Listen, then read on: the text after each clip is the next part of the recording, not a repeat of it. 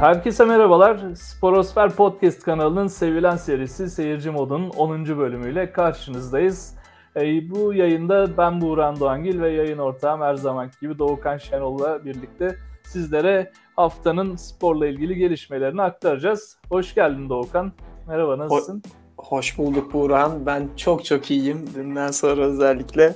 Ee, sen nasılsın? Nasıl? Ya şimdi ben dünle alakalı tabii nötrüm ama genel olarak iyiyim. Birazdan zaten bahsedeceğiz senin hani iyi olmana vesile olan konudan.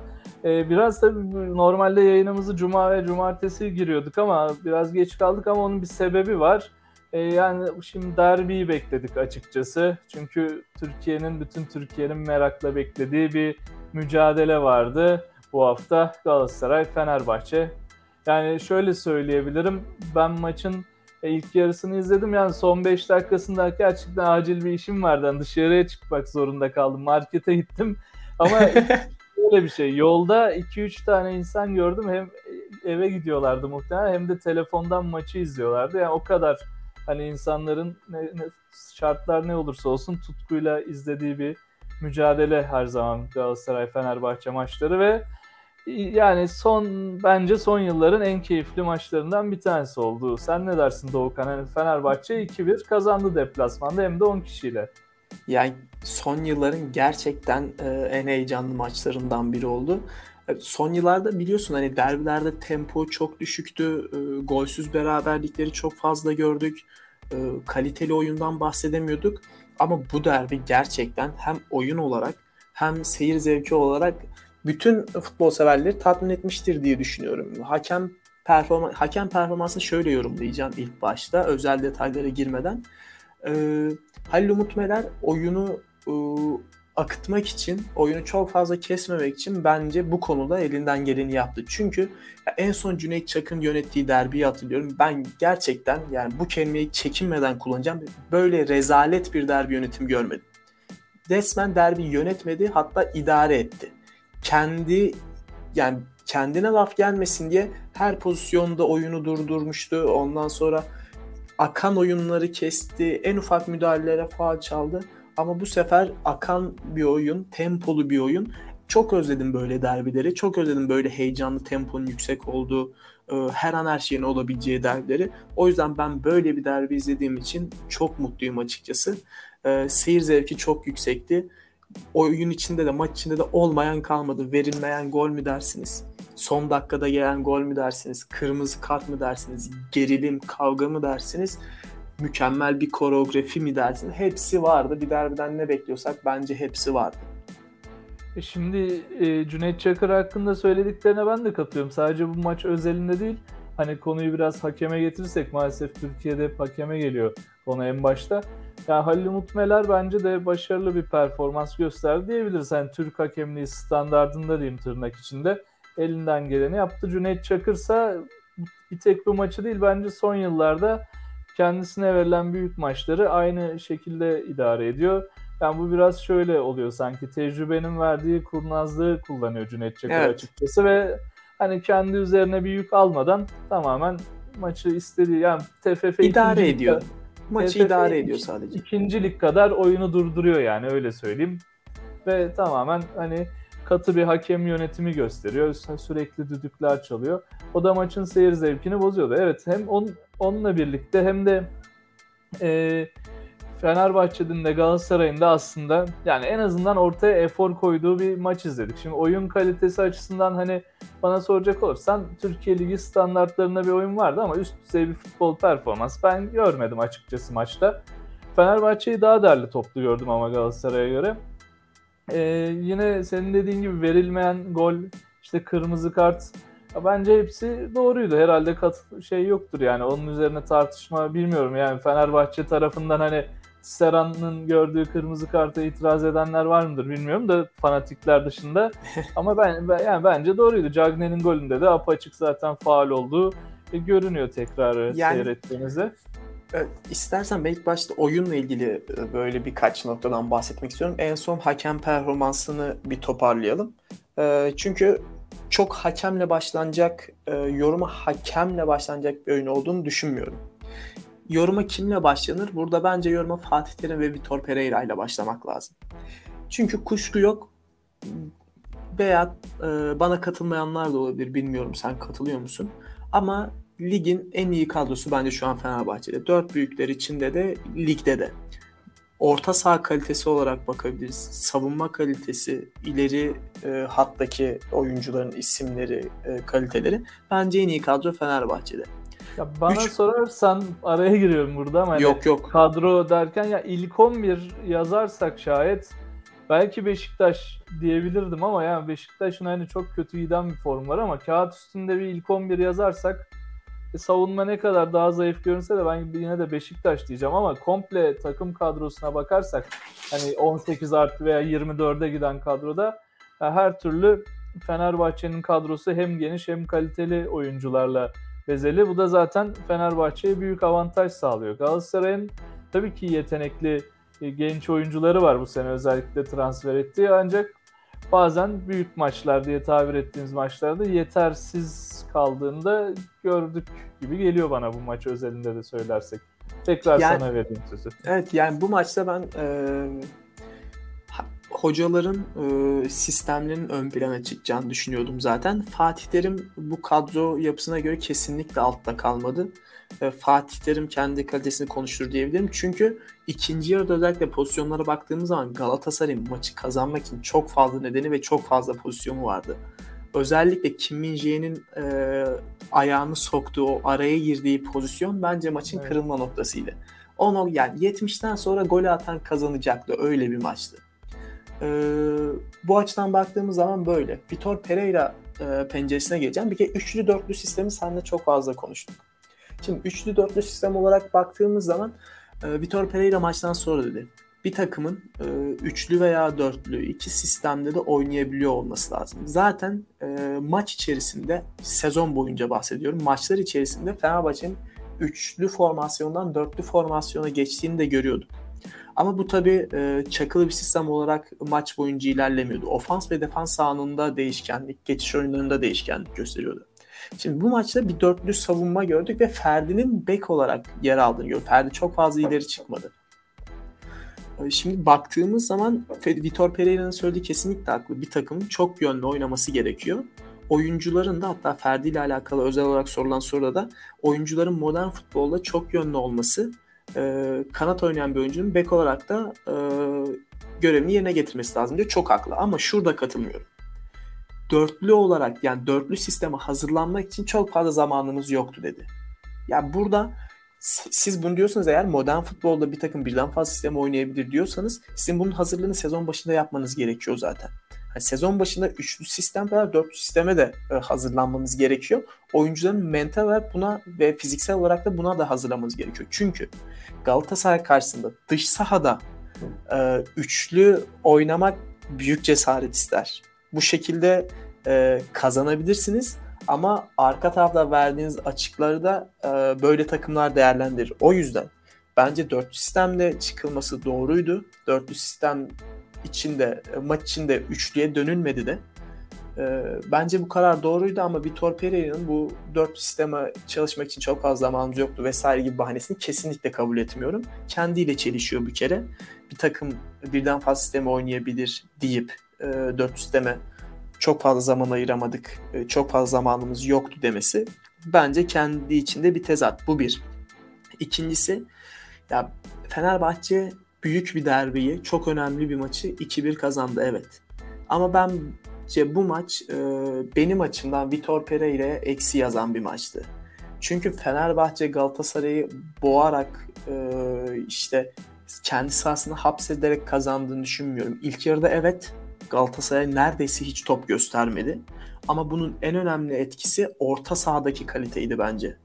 Jose Sosa, özellikle İrfan Can ve Mesut üçlüsü orada çok iyi bir uyum sağladı. Sosa'nın geriye yardımları, İrfan'ın top çıkarışı, İrfan'ın ileriye e, geçiş oyunlarındaki e, o zekası çok büyük fark yarattı. Zaten golde de gördük bunu. Ama Vitor Pereira'nın değişikliklerine ya ben anlam veremedim. Zaten hani e, neredeyse 90. dakikada bu değişiklikleri yaptı. E, ya İrfan Can'ın oyundan çıkması ben anlam veremedim açıkçası. Ee, evet Crespo'yu kenardan oyuna dahil ettik. Crespo galibiyeti getiren golü attı. Ama ben bunu hani Vitor Pereira'nın Crespo oyuna girsin de skora katkı sağlasın diye yaptığını düşünmüyorum. Ben ikinci yarı izlerken özellikle 60. dakikalarda ya ne oluyor dedim Fenerbahçe beraberliğe razı mı acaba? Hani çünkü oy, oynanan oyun bize onu gösteriyordu. Değişiklikler de bize onu gösterdi. Ee, hani o yüzden ben Vitor Pereira'nın burada maçı kazandırdığını düşünmüyorum. Maç e, ekstra bir golle geldi. Ekstra bir beceriyle geldi bence. Bilmiyorum bu konuda sen bana katılıyor musun? Bunu arkadaşlarımla da konuştum çünkü. Çok merak ediyorum. Ben Vitor Pereira'ya artı yazacak bir maç olduğunu düşünmüyorum kesinlikle. Sen ne diyorsun? Bu arada çok pardon. Sahaya sürdüğü 11'i çok beğendim. Sahaya sürdüğü 11 bence sene başından beri e, sürdüğü 11'lerin 11'lerden en iyilerinden biriydi belki de. Ama oyun içindeki hamleleri e, beni kaybetti orada.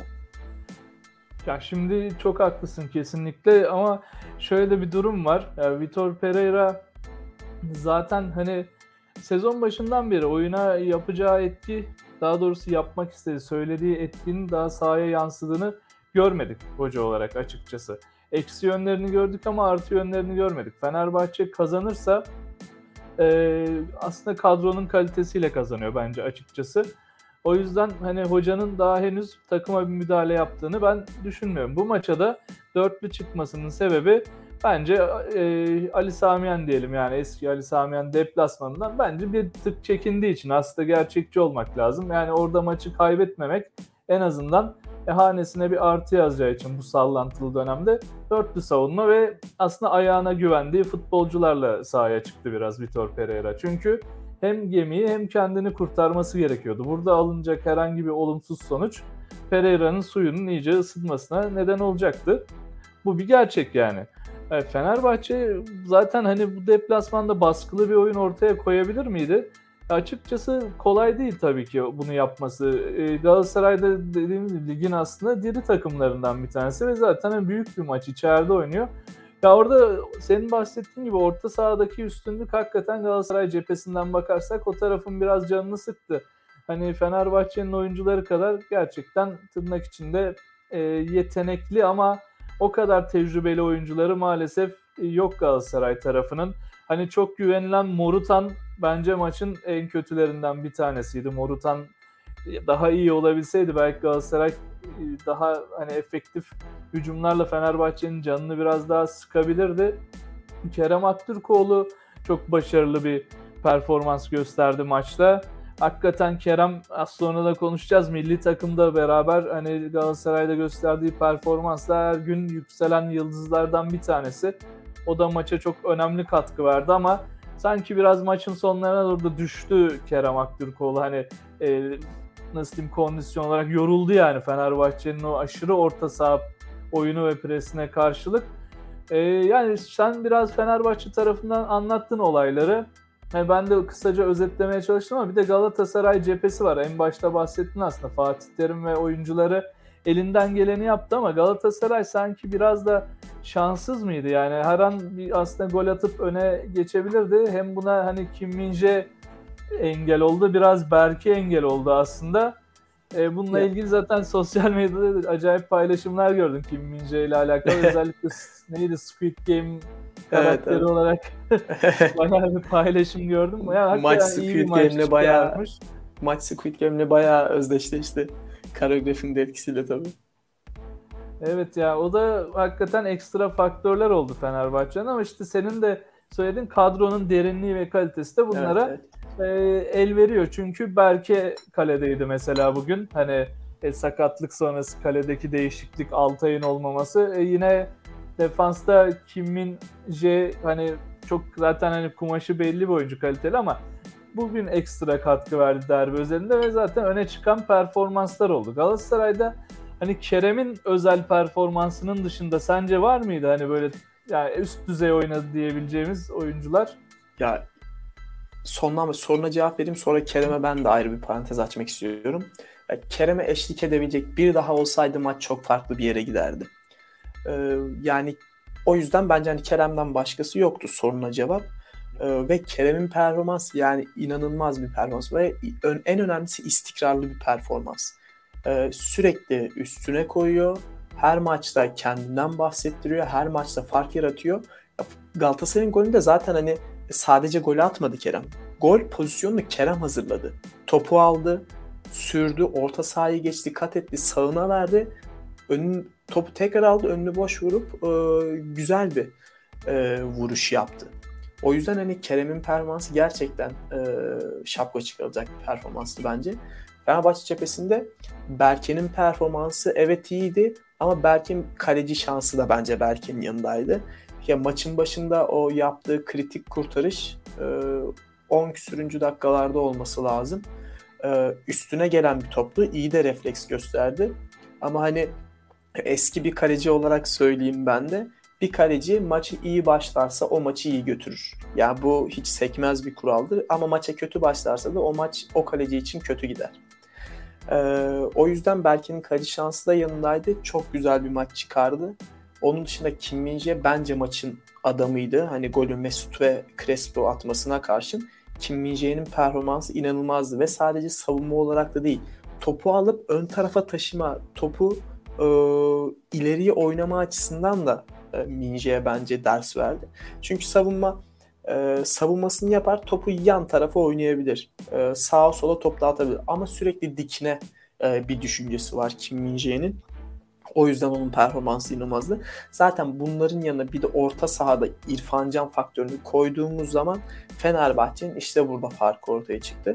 Galatasaray pencere, penceresine döneceğim biraz.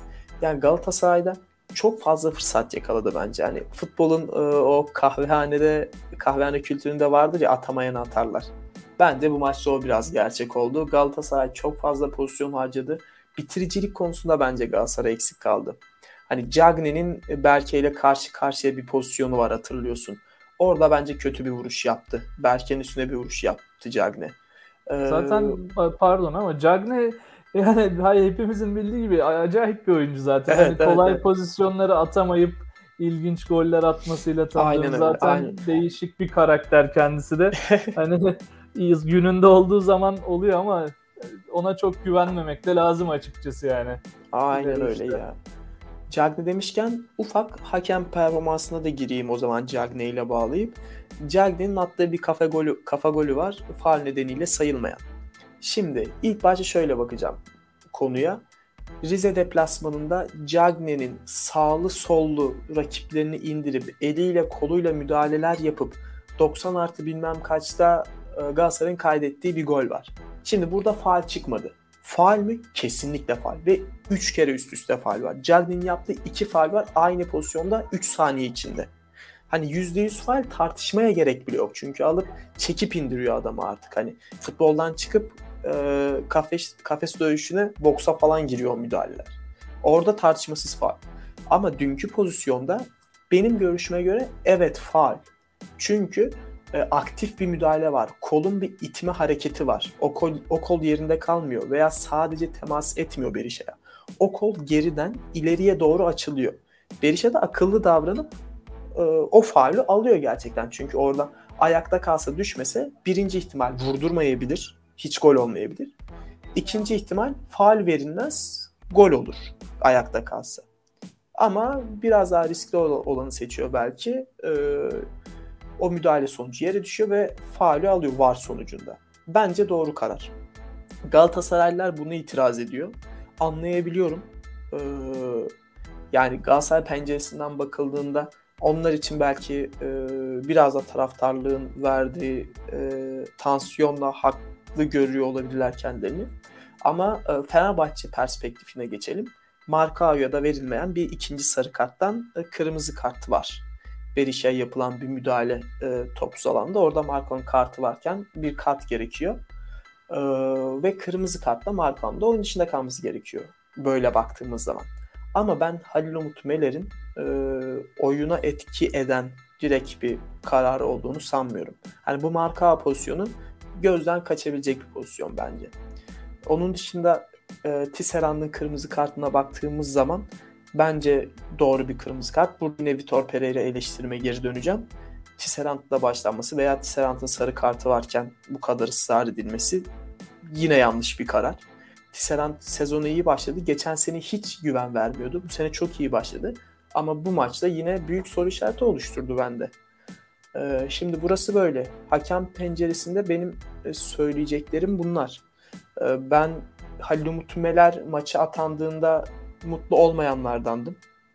Ee, ama bence maçın temposunu kesmeyen, e, skora doğrudan etki etmeyen e, bir performans gösterdi. Kaldı ki golde de zaten Halil Umut Meler gol verdi. Vardan çağrıldı.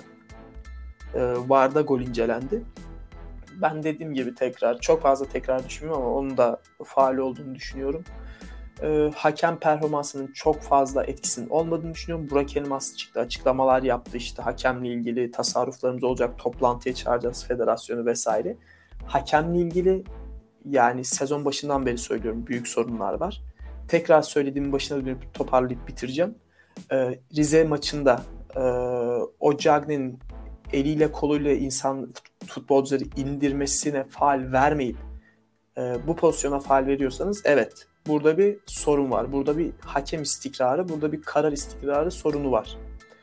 Ee, hani Rize'de Rize gözünden baktığın zaman hani Fenerbahçe'ye yapıldığı zaman faal de bize yapıldığı zaman neden faal değil diye çığlık atması son derece haklı. Hani burada hakemlerin bir istikrarsızlığı söz konusu ama bence ikisi de faal. Böyle baktığımız zaman e, maç gene, özelden genelde gideyim. Hakemler genelde problemli. Bunu böyle kapatabiliriz. Bu maç özelinde hakemin de çok fazla etki ettiğini düşünmüyorum. Galatasaray'da kazanabilirdi, Fenerbahçe'de kazanabilirdi. Derbinin sonucunu ufak detaylar belirledi. Dediğim gibi ortaya çıkan bir ekstra şut yani Crespo'nun ekstrası belirledi. Galatasaray'ın maçı kazanabilmek için çok fazla seçeneği vardı bence. Diyeyim senin derbiyle alakalı söyleyecek bir şeyin yoksa en son yayından kalan şu milli takım e, işini bir e, konuşalım tamamlayalım ne dersin? Yani derbi ile ilgili sen zaten gereken her şeyi söyledin. Ben de hani son olarak tekrar şunu söyleyeyim. Gerçekten ben şahsen son yıllarda izlediğim en keyifli Galatasaray Fenerbahçe maçlarından bir tanesiydi.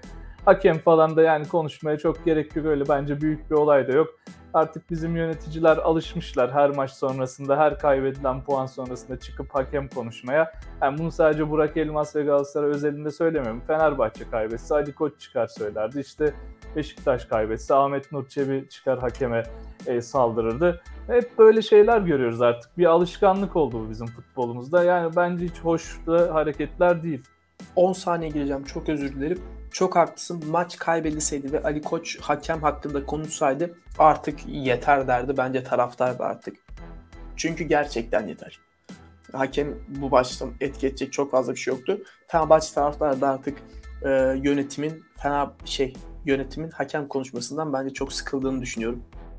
Bence hani bütün taraftarlar sıkılmıştır ama yöneticiler ısrarla kendi basiretsizliklerini hakemlerin üstüne atma durumda. Tabi burada şey demek istemiyorum. Hakemler sütten çıkmak kaşık demiyorum ama zaten hakemler de bu camianın içinde. Siz de bu. Yani Türk futbolunun geldiği nokta içler acısı. Hakemiyle, yöneticisiyle, futbolcusuyla beraber başka çünkü, sorunları çözmek lazım yani hakemleri değil de. Çünkü popülizm e, o gündemi kendi üstünden kaydırıp başka yere aktarmak istiyor. Hakemler sorunlu mu? Evet sorunlu ama yöneticiler önce kendi işlerine bakmaları gerekiyor. Kesinlikle öyle diyelim ve bu muhabbeti burada sonlandıralım. Çünkü bir milli takım meselemiz var. Haftalardır süren artık bir sona geldik sayılır. Ee, Doğukan milli takımımız aslında zoru tık daha olsa keşke başarabilseydik direkt gruplara katılabilseydik ama en azından Norveç'i geride bırakmayı başardık. E, son iki maçta gelen farklı Cebeli Tarık galibiyeti ve ne kadar zorlansak da Karadağ deplasmanında gelen galibiyet ve Norveç'in puan kayıpları yaşamasıyla grubu ikinci sırada tamamladık ve e, playoff'lara kaldık. Playoff biliyorsun bizim abonesi olduğumuz bir yer. Yani playoff varsa Türkiye var. Hiç direkt çıkamıyoruz zaten hiçbir büyük turnuvaya. Fakat burada e, eski zamanlardaki gibi 2000'lerin başındaki gibi seri başı olamıyoruz maalesef. FIFA klasmanındaki durumumuz ortada. O yüzden de seri başı takımlarla karşılaşacağız. Muhtemel rakiplerimiz Portekiz, İskoçya, İtalya, Rusya, İsveç ve Galler. Şöyle bir listeye baktığımızda aslında şu form durumumuzla çok rahatlıkla geçebiliriz dediğim benim bir takım yok açıkçası. Şimdi e, dinleyenler belki içlerinden hani ya da Stefan Kunz bile dedi işte İtalya'ya gitmektense Portekiz'e gitmektense deplasmana başka takımları tercih ederim diye ama dinleyenler herhalde ilk olarak akıllarından Galler'i düşüneceklerdir. Çünkü gündemde herkesin ağzında bir Galler lafı var. Hani Galler gelirse eler miyiz diye. Bu eler miyiz dediğimiz Galler bize Avrupa Şampiyonası'nda yani resmen sahayı dar etti. Perişan etti yani bize. O da hani öyle kolay olmayacak Galler deplasmanı veya buradaki maç. Şimdi önümüzde çok zorlu bir eleme olduğu kesin. Ama öncelikle e, şuraya bakalım. Şimdi e, Cebeli Tarık hadi bir ölçü değil ama Karadağ maçındaki performansımız sence yeterli miydi Doğukan? Hani bu playofflar öncesinde diyelim özellikle. Çünkü e, mutlak kazanmamız gereken bir maçı bence çok zor kazandık. Orkun'un vuruşu hakikaten güzel ve hani biraz da savunmaya çarpıyor. Az önce derbide bahsettiğimiz gibi böyle bir şut golüyle yani hasbel kadar maçı kazandık ama yani orada ka- puan da kaybedebilirdik ve sonuçlar bizim için iyi olmayabilirdi Hollanda Norveç tarafından gelecek skorla beraber. Yani tabiri caizse yine ipten döndük. Ama geleceğe sen umutla bakıyor musun milli takım özelinde? Ee, ya şöyle performanstan bahsettik. Performans yeterli miydi? Ya bence e, gol bile göstermemek lazımdı artık e, o maçta karada.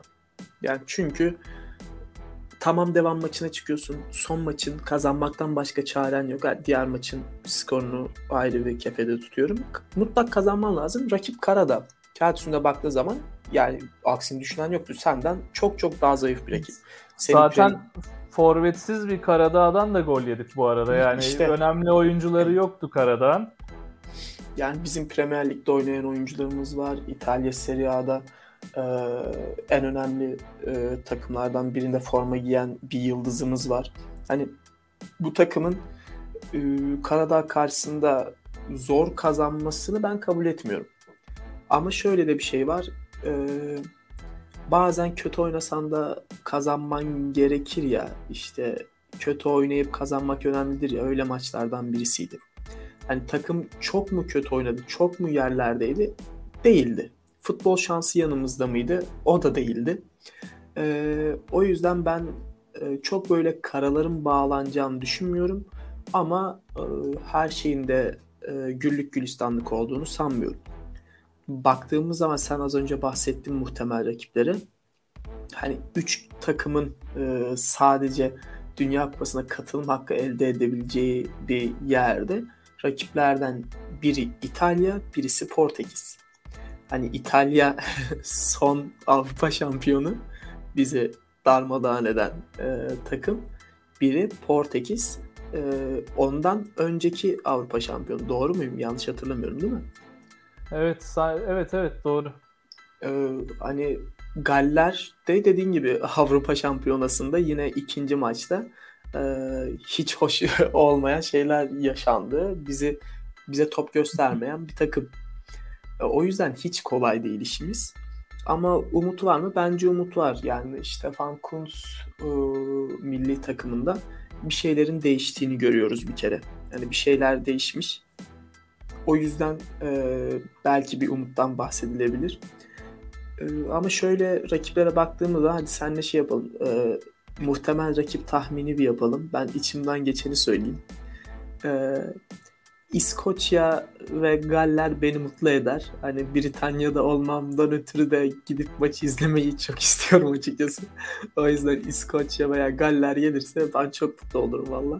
Ee, ama dediğin gibi e, şey açısından da bence e, kadro ve takım açısından da Galler İskoçya biraz daha öne çıkıyor gibi e, bizim isteyeceğimiz takımlar arasında diyorum sana topu atmadan önce, tahmini sormadan önce şunu söylemek istiyordum. O aklımdaydı. Stefan Kuntz e, İtalya ve Portekiz deplasmanına gitmek istemem e, dedi ya. E, Alex Ferguson'ın bir anekdotu geldi aklıma. Ferguson'dı galiba evet. yani bir kura çekimi öncesinde takım ismini şu an tam hatırlamıyorum. takım takım o takımın gelmesini yani Manchester United oyuncuları e, o takımın kurada gelmesini istemiyor. Yani nispeten daha güçlü bir rakip. Ama Ferguson sürekli kendi ekibiyle beraber umarım bu takım gelir, umarım bu takım çıkar, umarım bu takım çıkar diye takımın üstüne böyle psikolojik bir oyun oynuyorlar tabiri caizse. Ee, ve hani futbolcular şey diye düşünmeye başlıyor artık. Demek ki hocanın hani bir bildiği var. Bu takımı istiyor ki kafasında bir şey var. Aslında hiçbir şey yok. Sadece o takım da çıksa takımı mental olarak bunu hazırlamak istiyor. Ee, ve kura neticesinde nispeten güçlü rakibi çekiyorlar ve takım buna seviniyor. Hani bu bile takımın mental olarak hazırlamaktır. Bir psikoloji yönetimidir. Bir e, gerçekten hocalıktır, liderliktir. O yüzden e, keşke Kuntz böyle bir şey, böyle bir açıklama yapmasaydı, böyle bir şey söylemeseydi. E, hani bu örnekle onu biraz e, deşmek istedim. Şimdi senin tahminini sorayım. Sen kim gelsin istersin? Tahminin ne? Ya şimdi dediklerinde biraz haklısın. Hani Kuntz evet bir teknik direktör olarak belki böyle bir açıklama yapmakla takımı hafif e, mental olarak düşürme riskini almış oldu ama e, Alman adam en nihayetinde realist bakıyor olaylara. Geldiği günden bu yana da hep Kuntz'u o yüzden de ben takdir ettim. Her şeye objektif ve realist baktı. Bunda ben de Kuntz'la aynı görüşteyim. Şimdi hakikaten İtalya ve Portekiz gelirse bizim turu geçme şansımız ya yok denecek kadar az. Çünkü oyunumuz ortada. O e kadar canım, gelişim bundan, gösterip bunun aynı görüşte olmayan yoktur bence. Hani böyle belki hayalperestler olabilir hani kim gelirse gelsin turu geçer miyiz ama yani yok bu oyunla gerçekten sonra Avrupa şampiyonu zaten Avrupa Şampiyonası'nda İtalya ile de oynamıştık yani oradan ya ben da bir şeyi duydum ya hani İtalya gelsin kapatılacak hesabımız var. Abi hani bir dakika. Onu pek kapatamayız yani. sanırım. yani, o, yani o hesap büyük açılır yani. O hesap büyük açılır. Hani tamam e, geliyorsa gelsin eyvallah da hani tercih yapacaksak bu tercih İtalya'dan yana da olmasın yani. Yani evet tabii ki neden İtalya gelsin ama ya benim gönlümden geçen şimdi en kolay ya en kolay demeyeyim de nispeten de senin de diyeyim kağıt üstünde en kolay görünen İskoçya ile Galler herkesin zikrettiği takımlar ama ben biraz da şeye bakmak istiyorum. Şimdi bir tık daha kuvvetli. Buraları da oynamayı bilen bu arada. Yani ne kadar futbol ülkesi olup olmadığı tartışılsa da İsveç hep buralarda bizden daha çok boy gösteren bir ülke ama ben İsveç gelirse yine bir şansımız olduğunu düşünüyorum. Çünkü denk güçler mücadelesi olacak. Türkiye oyun olarak geride olabilir ama hani ha farz edelim İskoçya ile Galler gelmedi. Kim dersen İsveç olabilir ve zorlu bir takım olsa da Rusya olabilir. Bu takımlarla bence kore kor mücadele edebileceğimizi düşünüyorum. En azından diş geçirebileceğimizi düşünüyorum. Ama yani dediğim gibi Portekiz ve İtalya çok yukarıdalar. İskoçya ve Galler. Galler'le de son durum ortada yani son yaptığımız maç. Ben girişte de söylemiştim. Ama tabii Galler o günlerinden bir tık daha uzak. Çünkü önemli oyuncuları Aaron Ramsey gibi, Gareth Bale gibi hem yani futboldan biraz uzaklaşıyorlar hem de daha performansları düşmüş durumda ama tabii hafife almayı göstermiyor ama daha dişimize göre olur. İskoçya bence oradaki en zayıf halka bize gelebilecek ve ada futbolunun fiziki yapısını en çok koruyan da İskoçya. Biz o e, yani şeyi böyle nasıl diyeyim sert oyunu kaldırabilirsek İskoçya'yı bence rahatlıkla eleyebiliriz. Fakat bazen sert savunmalar, sert oyunlar bizi çok bozuyor.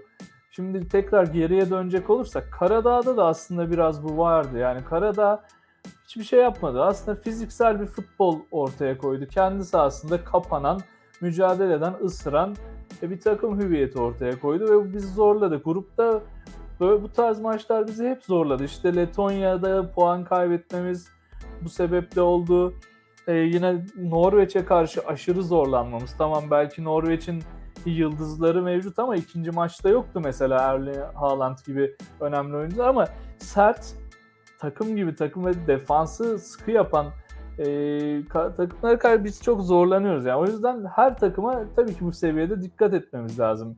Ama e, İskoçya mükemmel olur. Galler iyi olur. Ben İsveç'le Rusya'ya da okeyim ama İtalya ile Portekiz'den uzak durmak lazım. Hani bir şey vardı ya. böyle bir ne denir ona? evet. Bir şey yapmışlardı. İnternette bir geyik dönüyordu. Bu Kolpaçino'daki Sabri abi var ya onun şeyinden ko- konuşmasından Bayern Münih'ten Real Madrid'den kaçın Liverpool'dan Bayern'den uzak durun kardeşim falan diye böyle bir Yani. şey vardı geçen sene ithafen. Burada da hani İtalya ile Portekiz'den uzak durun kardeşim. Hatta Ama gerisi- kaçın kaçın İtalya bu arada kaçalım. Tam öyle bir muhabbet. Ee, yani ondan sonra kim gelirse gelsin bence. Milli takım elinden gelen mücadeleyi verecektir. Ee, kısa da olsa bir zaman da var. Hani milli takımlar özelinde tabii kısa yani lig takımları gibi düşünmemek lazım. Kısa zaman var önümüzde. Bakalım Kuntz aday kadroda kimlere yer verecek? Sakatlığı olan futbolcularımız olacaktır illaki ya da düzelenler olacaktır. Ee, onlar da eklenince veya çıkınca ortaya nasıl bir kadro çıkacak o da çok önemli. Çünkü böyle tam ikili eleme maçlarında, çift maçlı elemelerde buraları oynama tecrübesi olan oyuncuların kadroda yer alması her zaman çok önemli oluyor. Yani hatırlarsın böyle Nihat Kahveci'dir işte Emre Belezoğlu'dur geçmişte ne bileyim hatta Arda Turan'dır yani ne kadar performansları düşse de yaşlı olsalar da bu tarz maçlarda kadroda yer aldıklarında bizi ileriye taşımışlardı. O yüzden hani Burak Yılmaz mesela çok kötü bir görünümde olsa da ligde de öyle Lille formasıyla ama bence hani umarım kadroda olur çünkü bizim net bir fo- santiforumuz da yok. Ee, ya o bölgenin çok önemli olduğunu düşünüyorum. Biraz konudan konuya geçmiş oldum ama bölgeler de çok önemli. Biz santiforsuz bir takım olarak hakikaten oradaki varlığımızı korumalıyız en azından. Umarım oradaki oyuncuların başına bir şey gelmez. Ve orta sahadaki derinliğimizi, savunmadaki alternatiflerimizle korursak yani umarım başarılı bir sonuç çıkarırız ama kadro gerçekten çok önemli olacak. Çünkü devam eden bir lig var ve sakatlık herkesin korkulu rüyası. diyeyim Doğukan sen ne Evet. düşünüyorsun bu konuda? Yani şöyle şöyle bir şey söyleyeyim ilk başta. Ee, Playoff sistemi tek maç eleme sistemi olarak e, olacak ve 12 takımın içine ilk başta 6'ya ondan sonra da 3 takıma düşerek o 3 takım e, Dünya Kupası'na katılım hakkı elde edecek. Ya tek maçlı e, bir sistemde anlık performanslar çok önemli. O yüzden kadronun e, o dönemki performansı belirleyici olacak e, bence. Bu arada tek maçlı oyunlar da sürprizlere çok açık. E, o yüzden gerçekten her şey olabilir diye düşünüyorum. Çünkü hani çift maçlı e, bir sistem değil. Tek maçta e, Türkiye sürprizde yapabilir e, umulmadık bir rakibe karşı. Ama burada işte sonra 6'ya düşecek. Ondan sonra 3 takım katılım hakkı elde edecek. O yüzden hani birden fazla maç oynayacak takımlar. Ee, o yüzden milli takımın uzun vadede performansı, o getirilmek istenen sistem e, etkili olacak ve gösterici e, olacak. Bu sene de hani söyleyelim Dünya Kupası e, kışın oynanacak. Daha doğrusu Kasım, Aralık'ta oynanacak. Kasım gibi Katar'da olduğu için e, playoff maçları da 24-25 ve 28-29 Mart'ta e, oynanması bekleniyor. E, kura çekimi de e, bu ayın sonunda olacak. Şimdi e, milli takım açısından olaylar böyle. Buran, senin sanırım ekleyecek bir şeyin yok. Varsa e, şu an alayım yoksa çünkü e, çok pozitif olmayan bir konuya geçeceğiz gibi duruyor. Ya milli takıma sadece ben başarılar diliyorum. Umarım herkesin istediği gibi olur. Yani gönlümüzün istediği gibi olur. E, hele ki şu son dönemde yaşadığımız hani pandemidir işte ülkedeki yazın geçirdiğimiz felaketlerdir. Kötü giden futbolda üstüne eklenince biraz can sıkıcı oldu. Belki bize bir moral olur 2022 22 Katar'a katılmamız. O yüzden de gönülden başarılar diliyorum. Umarım her şey iyi olur diyelim ve evet o tatsız konuya geçmek için istersen senden alayım Doğukan. Hangi tatsız yani, konu? Tatsız konu nedir? Tatsız konu e, bütün e, ülkenin yani temsilcilerimiz açısından e, Euroleague'dir. Şöyle Efes temsilcilerimizden birisi, Fenerbahçe temsilcilerimizden birisi. Fenerbahçe'ye baktığımız zaman tutmayan bir dikiş var sezon başından beri. Efes'e baktığımız zaman şaşırtıcı bir tablo ortada. İki takımda da işleri iyi gitmiyor. Fenerbahçe'de e, ardı ardı alınan e, beklenmeyen mağlubiyetler, yani beklenmeyen takımlardan alınan mağlubiyetler, beklenmeyen takımlara da son dakika verilen maçlar. Hani Barcelona'ya, Panathinaikos'a son topta verilen maçlar. Onun dışında nispeten daha zayıf rakiplere oyunun genel anlamında üstünlük kuramayıp genel skor anlamında geride kalınan ve mağlup olunan e, maçlar izledik. Ya ben anlam veremiyorum. E, bir teorim var. E, sorunun kaynağına bir cevabım var ama emin de değilim. Bu konuyu biraz daha sen iyi biliyorsun. O yüzden sana sormak istediğimde sorular var. Senin başta istersen bir e, Fenerbahçe'nin Efes'in performansını bir toparla. Benim sormak istediğim bir iki soru var. Şimdi o zaman tatsız kısmı arkaya bırakayım. Efes'te tabii ki iki maç üst üste gelen galibiyet var çift maç haftasında. Bu her şeyin düzeldiği anlamına gelmez. Fakat Efes'in düzelme emareleri gösterdiğini görmeye başladık. Çünkü oynanan oyundan keyif alan bir kadro var ve e, Efes geçen seneki kadrosunda şampiyon kadrosunda olan sakatlarının da düzelmesiyle tam kadro olarak sahaya çıkıyor. Burada Simon'un e, oyuna katılması çok önemli. Dunstan süreyi çok almasa da onun kadroda olması çok önemli takımdaşlık açısından ve geçen seneki kafaya biraz yaklaşmış gibi görünüyor Efes. E, çok önemli iki galibiyet de geldi. Hem de farklı şekilde. E, öncelikle Olympiakos'u içeride mağlup etmeyi başardı Anadolu Efes bu senenin dişli takımlarından Olympiakos. İkinci haftada da yani çift maç haftasının ikinci haftasında da Monaco'yu resmen sağdan sildi. Zaman zaman yaklaş Monaco'nun skora yaklaştığı zamanlar olsa da Efes bunu tolere etmeyi başardı ve ben e, yani iyi sinyaller almaya başladım takımdan. Bakalım önümüzdeki süreçte Efes bunu koruyup eski Efes hüviyetine bürünürse aslında kaçmış bir tren yok. Neden dersen Efes güncel tabloda 10. sırada ve playoff potasına çok uzak görünmüyor sezonun başında olmamızla birlikte ve Efes nereden playoff'a girerse girsin büyük bir tehdit olur. İster 7'den, ister 8'den, ister 6'dan girsin. Artık belki yukarı sıralara yetişmesi kolay olmayacak ama yeter ki bu performans devam etsin. Şimdi iyi biraz konuştuk. Daha sonra eklemelerde yaparız zaten sorularla birlikte. Kötüye gel- gelirsek e, biz Fenerbahçe'nin oyununu gerçekten bir yerlere gideceğini düşünüyorduk sezon başında ve alınan mağlubiyetlerin özellikle son dakikada gelenlerin e, kadronun genel birbirine uyuşmayışı, yani uyuşmayışı demeyeyim de işte yeni olması kadronun ve birbirine alışma sürecinde olması, koçun da yeni olması ve bu tarz maçların kaybedilebileceği yönündeydi. E şimdi bakıyoruz sonra bir CSKA Moskova galibiyeti geldi. Rusya'da iyi bir oyunla ama ardından takım tamamen dizlerinin bağı çözülmüş gibi görünüyor. Şimdi burada en temel sorun belki sen de onu soracaktın ya da söyleyecektin. E, Sasha Djordjevic görünüyor. Çünkü Aynen öyle. Ben de aynı konuyu soracaktım. Sen direkt soruma cevap ver o zaman.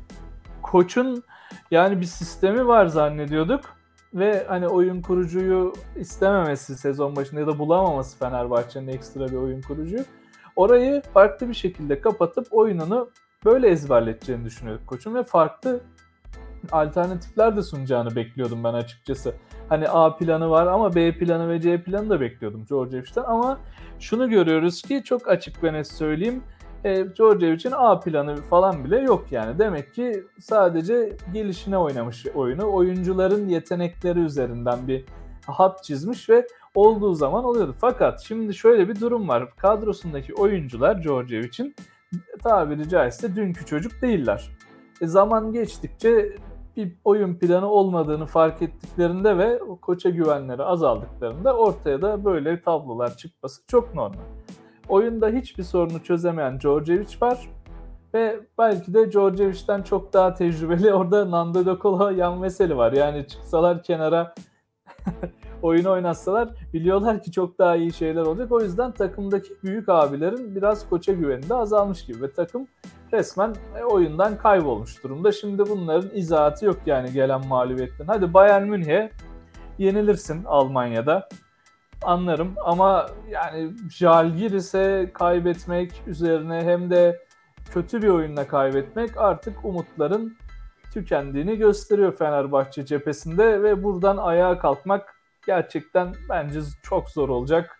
Yani kan değişimleri şart. Bakalım zaman bize ne gösterecek. İstersen sen sorularını sor Okan. Öyle devam edelim. Yani bu Djordjevic konusunu soracaktım. Sence tamam mı, devam mı? Ee, ışık görüyor musun? Hani Djordjevic'le alakalı genel değerlendirmeyi yaptın ama sence ısrar edilmeli mi, var mı bir umut? Şimdi ısrar şöyle edilmeli. Neden edilmeli? Maalesef ki edilmeli. Hani ben sezon başında da yaptığımız programlarda belki seninle olan da söyledim mi hatırlamıyorum ama basketbol ile yaptığımız programlarda çok söyledim. Keşke Erdem Can'a gitseydi teklif. Erdem Can ikna edilip Fenerbahçe'nin başında kalsaydı dedim. Aynı Saşa Djordjevic'e gidene kadar ama şunu da söyledim inkar etmeyeyim. Piyasada bulunanların en iyisi de Djordjevic görünüyor dedim boşta bulunanların bu seviyede. Fakat şimdi yine aynı senaryo olacak. Djordjevic'i siz takımdan göndermeye karar verdiniz devre arasında. Peki elinizdeki koç adaylarınız kimler? Şimdi bunun bir somut olarak hani görülmesi lazım. Şimdi bakıyoruz piyasadaki boş koçlara. Yani bence pek kimse yok. İşte eski Jalgiris koçu var. Zaten hani durum ortada. E şey e, yaşlı Kurtuşko Ivanovic var. biraz tanıyor Beşiktaş'tan ama yani hani Djordjevic'i gönderip Ivanovic'i getirmek çözüm olur mu? Bence olmaz. Bir şey fark etmez yani. O yüzden hani şimdi Djordjevic'i gönderip ne yapacaksınız? Bu önemli. Yani şunu da bence ısrar etmekte fayda var. Djordjevic ile oturup adam akıllı konuşup ortaya bir oyun koymasını ve bundan hani ondan bir beklentiniz olduğunu tekrarlamanız, yinelemeniz lazım. Bence burada yönetimsel de problemler var Fenerbahçe'de. Hani Maurizio Gerardini bu işlerin aslında uzmanı ama sanki Gerardini'nin dışında gelişen olaylar da var gibi. Bilmiyorum Fenerbahçe Beko kritik hatalar yapıyor son dönemde. Yani hakikaten yönetim şeyleri yanlış yapıyor ama bunu gerçekten içeriden bir gözün söylemesi daha kolay olur. Hani ben dışarıdan bakan biri olarak tam anlamıyorum ama orada bence iş bilmez bazı insanlar Gerardini'nin işlerini zorlaştırıyor gibi geliyor bana. Çünkü hani bu kadro yapısı zaten yani mükemmel olmasa da bazı defekleriyle aslında fena değildi ama şimdi açıkçası e, Igor, Igor Kokoşkov'un ben Devin Booker'ı transfer etmek istediğini düşünmüyorum. Ama Devin Booker'la bir risk alındı mesela. Booker çok kaliteli bir oyuncu ama sakatlıktan çıkmıştı. Bugün görüyoruz ki gün geçtikçe ne savunma ne hücum hiçbir şeyde aklı yok Booker'ın. Nando De Colo küstürüldü. Yan Veseli verdiği mücadelenin karşılığını alamıyor. E işte takımda bir oyun kurucu eksikliği var. Pierre Henry artık sudan çıkmış balık gibi. Tamam çok iyi oyuncu Baskonya'da iyi performansları var ama burası Euroleague şampiyonluğu kazanmış Fenerbahçe Beko kadrosu ve insanlar daha çok şey bekliyor ve bunu bence kaldırabildiğini düşünmüyorum şu aşamada Henry'nin. Yani Gudur için performansı kötü. Geçen senenin ortasından itibaren ben bir tek Yan Veseli ve Aşil Polonara'ya acıyorum. Ya Polonara gerçekten takımda harcanıyor resmen. E, çok hakikaten oyuncular özelinde de sıkıntılar var. O yüzden de hakikaten bir oturup Fenerbahçe'nin böyle ne diyeyim ma aile biz bu işten nasıl çıkarız onu değerlendirmesi lazım. Fenerbahçe'nin başka yapabileceği bir şey yok ve, ve gerekiyorsa da bu sezonu silecekler. Yapılanma devam edecek. Bunun başında da Djordjevic olur olmaz ben bilemem ama olmazsa da zaten hani kim getirecekler bunu ondan sonra konuşuruz Doğukan hani. Çünkü koç Aynen. adayları belli, hiç belli değil. Evet yani bu planlamadaki e, ve dediğim gibi idari yapıdaki sorunların ben e, yavaş yavaş oyuncu bazında yansın düşünüyorum. Hani Guduric yavaş yavaş düştü. En son artık bunu Dekolo'da gördük. E, bilmem katılır mısın? O yüzden oyuncular da yavaş yavaş aşağı çekiliyor. O yüzden e, bir şapkanın önüne konulup düşünülmesi gerektiği konusunda ben de sana katılıyorum. Evet yani De Colo zaten sezon başından beri söyledim ya şey olur. O tarz büyük oyuncular, tecrübeli oyuncular e, şeyi anlıyor yani yapıdaki bozukluğu ve koça güvensizliğin ilk fark eden isimler oluyor zaten ve artık hani tabiri caizse bu kelimeyi de çok seviyorum hani şey e, oynamıyorlar yani koça itaatsizlik başlıyor bir yerde çünkü hiç güvenmiyorlar ve hakikaten de haklılar gibi görünüyor. Ya bütün sporlarda vardır koçun ya hocanın ilk önce oynayacağı oyuna oyuncuları ikna etmesi gerekiyor. Oyuncular ikna olmadığı zaman ortada hiçbir şey göremeyiz. Şu an Fenerbahçe'de olan da bence bu Djordjevic, Djordjevic muhakkak ki oynamak istediği bir oyun var. Ama bu oyuna ben oyuncuları ikna edebildiğini düşünmüyorum. İkna olmuş olsalardı bir emare oyundan bir e, iz görürdük sahada. Kesinlikle kesinlikle diyelim ve istersen Fenerbahçe'ye nokta koyalım. Efes'i de bu çift maç haftasında kazandırdığı puanlarla hem kendilerine hem ülkemize Teşekkür edelim. Yani umarım devamı- devam eder. Devamı gelir umarım. Bir şey ekleyeceğim sadece. Efes maçında, Monaco maçında Efes'le alakalı olmayan ama Euroligi yakından ilgilendiren bir gelişme. Mike James yine sezona bir bomba atmayı başardı NBA'den döndükten sonra Mike James. Monaco Efes Monaco maçında e, hoca Zvezdan Mitrovic kendisini ilk oyundan aldığında bir yüzü düştü. Evet. İkinci aldığında ağlamakta oldu. Üçüncü aldığında ise bence gitmeyip direkt soyunma odasına giderek oyunu terk etti. Benden yaşça büyük abilerimiz dahil hani spor camiasında bunu hayatlarında ilk defa gördüklerini söylüyorlar Euroleague'de. Ben de ilk defa gördüm. Bir oyuncu ben küstüm oynamıyorum diyerek maçı terk etti. Sonrasında da e, soyunma odasına sağlam giden Mike James e, maç sonunda da dizinde buz torbası ve sekerek geldi. Kesin Yani- sakatlanmıştır canım yani. Bir şey olmuştur kesin dizine. Ve ko- koç Mitrovic de gerçekten üzücü bir durumla karşı karşıya kaldı. Basın toplantısında tabii ki direkt bu soruldu maçtan önce ve koç sadece ben öyle bir şey görmedim diyerek ve gülerek geçiştirmeye çalıştı ama orada da büyük problemler var. Umarım fatura Zvezdan Mitrovic'e kesilmez çünkü öyle olacak gibi duruyor. Çünkü orada bir Monaco'da şey diyeyim böyle hani popüler oyuncuları takıma getirip yeni bir show team yaratma derdi var. Hani Monte Carlo'nun paralı Evet, evet. abilerinin öyle bir şeyi var ve Mitrovic'i harcayacaklar gibi görünüyor. Bakalım orada da ne gibi gelişmeler olacak merakla takip ediyoruz. Buna da en çok sevinen herhalde Dimitris Itudis olmuştur. Geçen sene Mike James'le yaptığı büyük tartışma onu bayağı CSK'da zorlamıştı. Haklı çıktığında herhalde gidip başkan başüstüne şey yapmıştır böyle. Gö- Bak- göstermiştir, bak gör. video- vi- videoyu izletmiştir yani. Öyle değil Evet, mi? ya- Bitireyim Euroleague faslını.